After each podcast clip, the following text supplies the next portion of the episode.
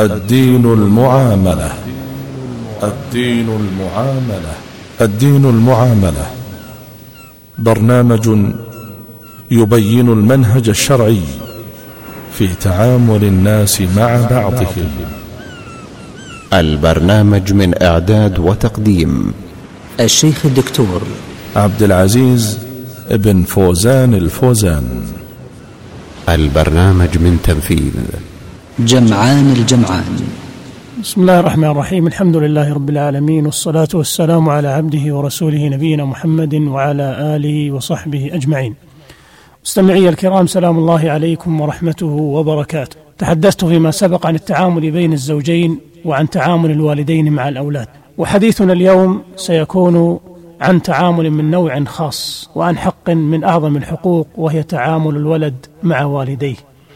وسوف أركز بإذن الله خلال هذه الحلقة وما بعدها على الأمور الآتية. أولا عظم حق الوالدين. ثانيا ثمرات بر الوالدين. ثالثا حقوق الوالدين.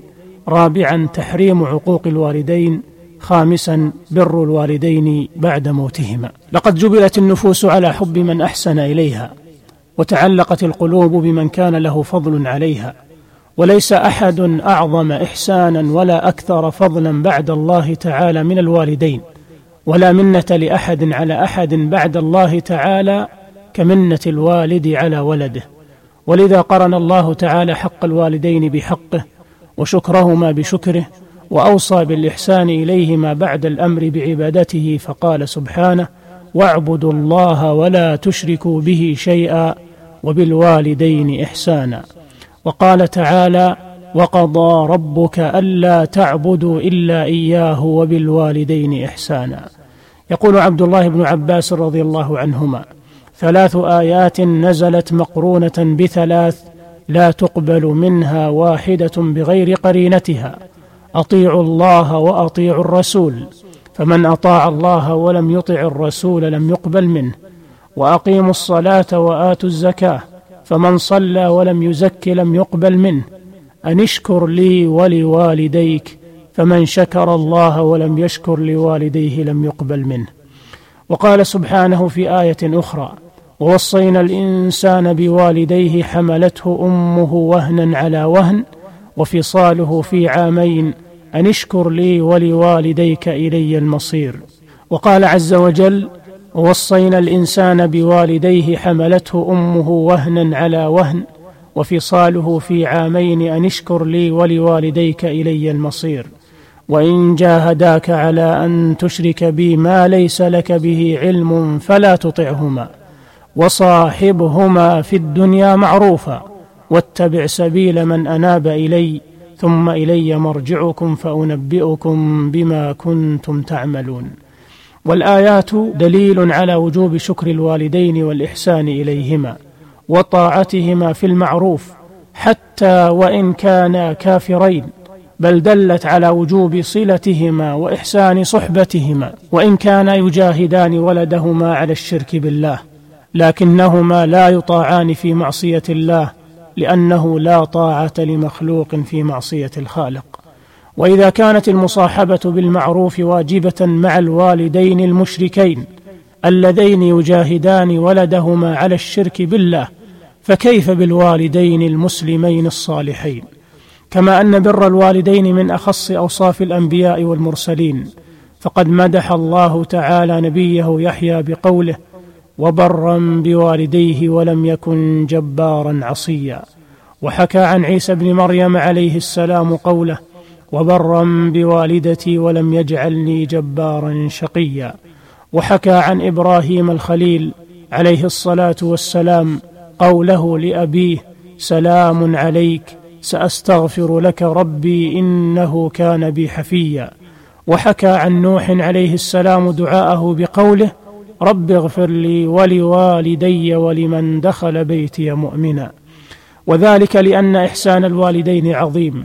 وفضلهما على ولدهما سابق عميم وحقهما كبير جليل ولا ينكر ذلك إلا أعمى البصيرة قليل الدين.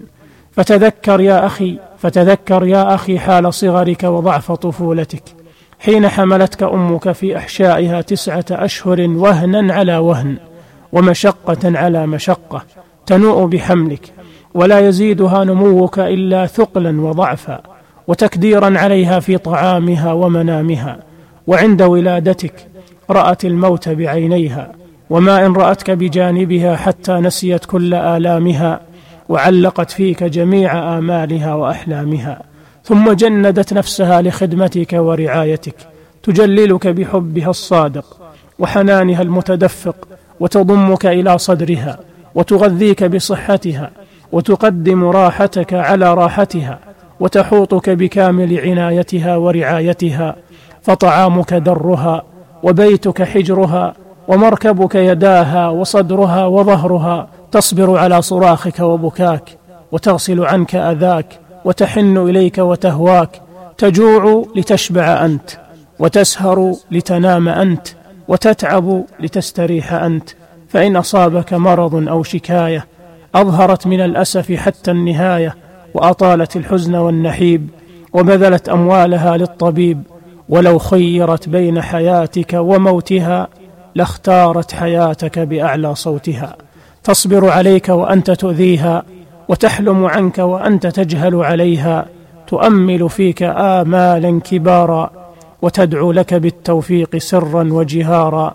ولله در القائل لأمك حق لو علمت كبير كثيرك يا هذا لديه يسير فكم ليلة باتت بثقلك تشتكي لها من جواها أنة وزفير وفي الوضع لو تدري عليها مشقة فكم غصص منها الفؤاد يطير وتفديك مما تشتكيه بنفسها ومن ثديها شرب لديك نمير وكم غسلت عنك الأذى بيمينها. وما حجرها إلا لديك سرير وكم مرة جاعت وأعطتك قوتها حنوا واشفاقا وأنت صغير فضيعتها لما أسنت جهالة وطال عليك الأمر وهو قصير فآها لذي عقل ويتبع الهوى وآها لأعمى القلب وهو بصير فدونك فارغب في عميم دعائها فأنت لما تدعو إليه فقير.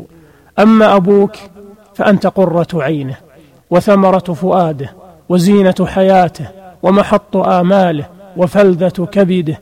إذا رآك أشرقت الدنيا في عينيه وظهرت البسمة على شفتيه وهش في وجهك وبش وكأني به يردد قول الشاعر ولدي يا نبضة في خافقي ولدي يا فلذة من كبدي ولدي يا كوكبا أرقبه كي أرى فيه ضياء الفرقد.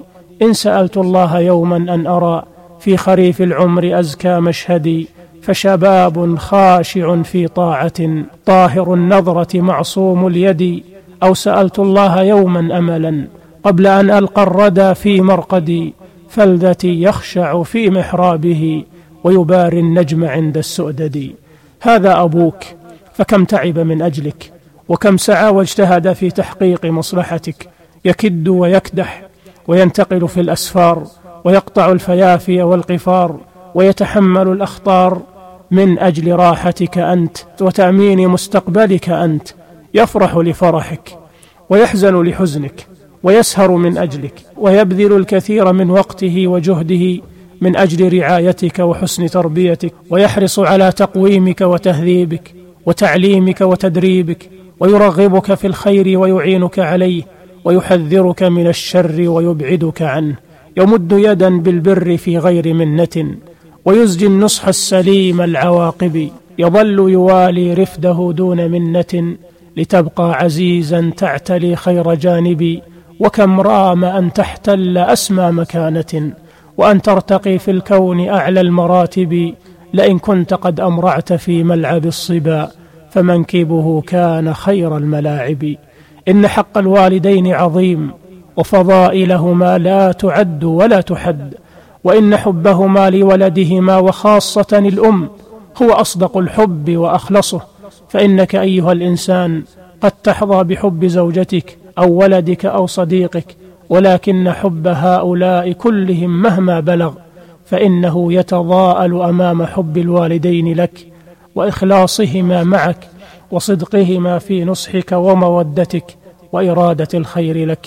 ولذلك كان حقهما عليك عظيما وواجبك نحوهما كبيرا جليلا. جاء رجل إلى عمر بن الخطاب رضي الله عنه فقال يا أمير المؤمنين أمي عجوز كبيرة أنا مطيتها أجعلها على ظهري وأنحي عليها بيدي وألي منها مثل ما كانت تلي مني أو أديت شكرها قال لا. قال لم يا أمير المؤمنين؟ قال إنك تفعل ذلك بها وأنت تدعو الله عز وجل أن يميتها. وكانت تفعل ذلك بك وهي تدعو الله عز وجل أن يطيل عمرك. وعن الحسن البصري رحمه الله قال بينما رجل يطوف بأمه قد حملها على عنقه رفع رأسه إليها فقال يا أمة تريني جزيتك. وابن عمر رضي الله عنهما قريب منه فقال اي لكع لا والله ولا طلقة واحدة. وعن سعيد بن أبي بردة عن أبيه قال كان ابن عمر يطوف فرأى رجلا يطوف حاملا أمه وهو يقول إني لها بعيرها المذلل إن ذعرت ركابها لم أذعر أحملها وما حملتني أكثر. أتراني جازيتها يا ابن عمر؟ فقال لا ولا زفرة واحدة. وفي رواية ولا بطلقة واحدة من طلقاتها ولكن قد أحسنت والله يثيبك على القليل كثيرا.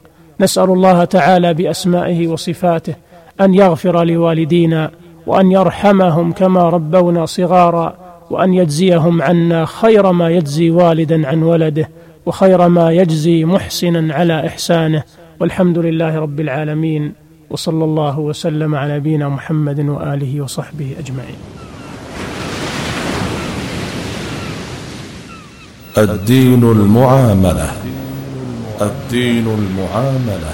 الدين المعاملة. برنامج يبين المنهج الشرعي في تعامل الناس مع بعضهم. البرنامج من إعداد وتقديم الشيخ الدكتور عبد العزيز بن فوزان الفوزان. البرنامج من تنفيذ.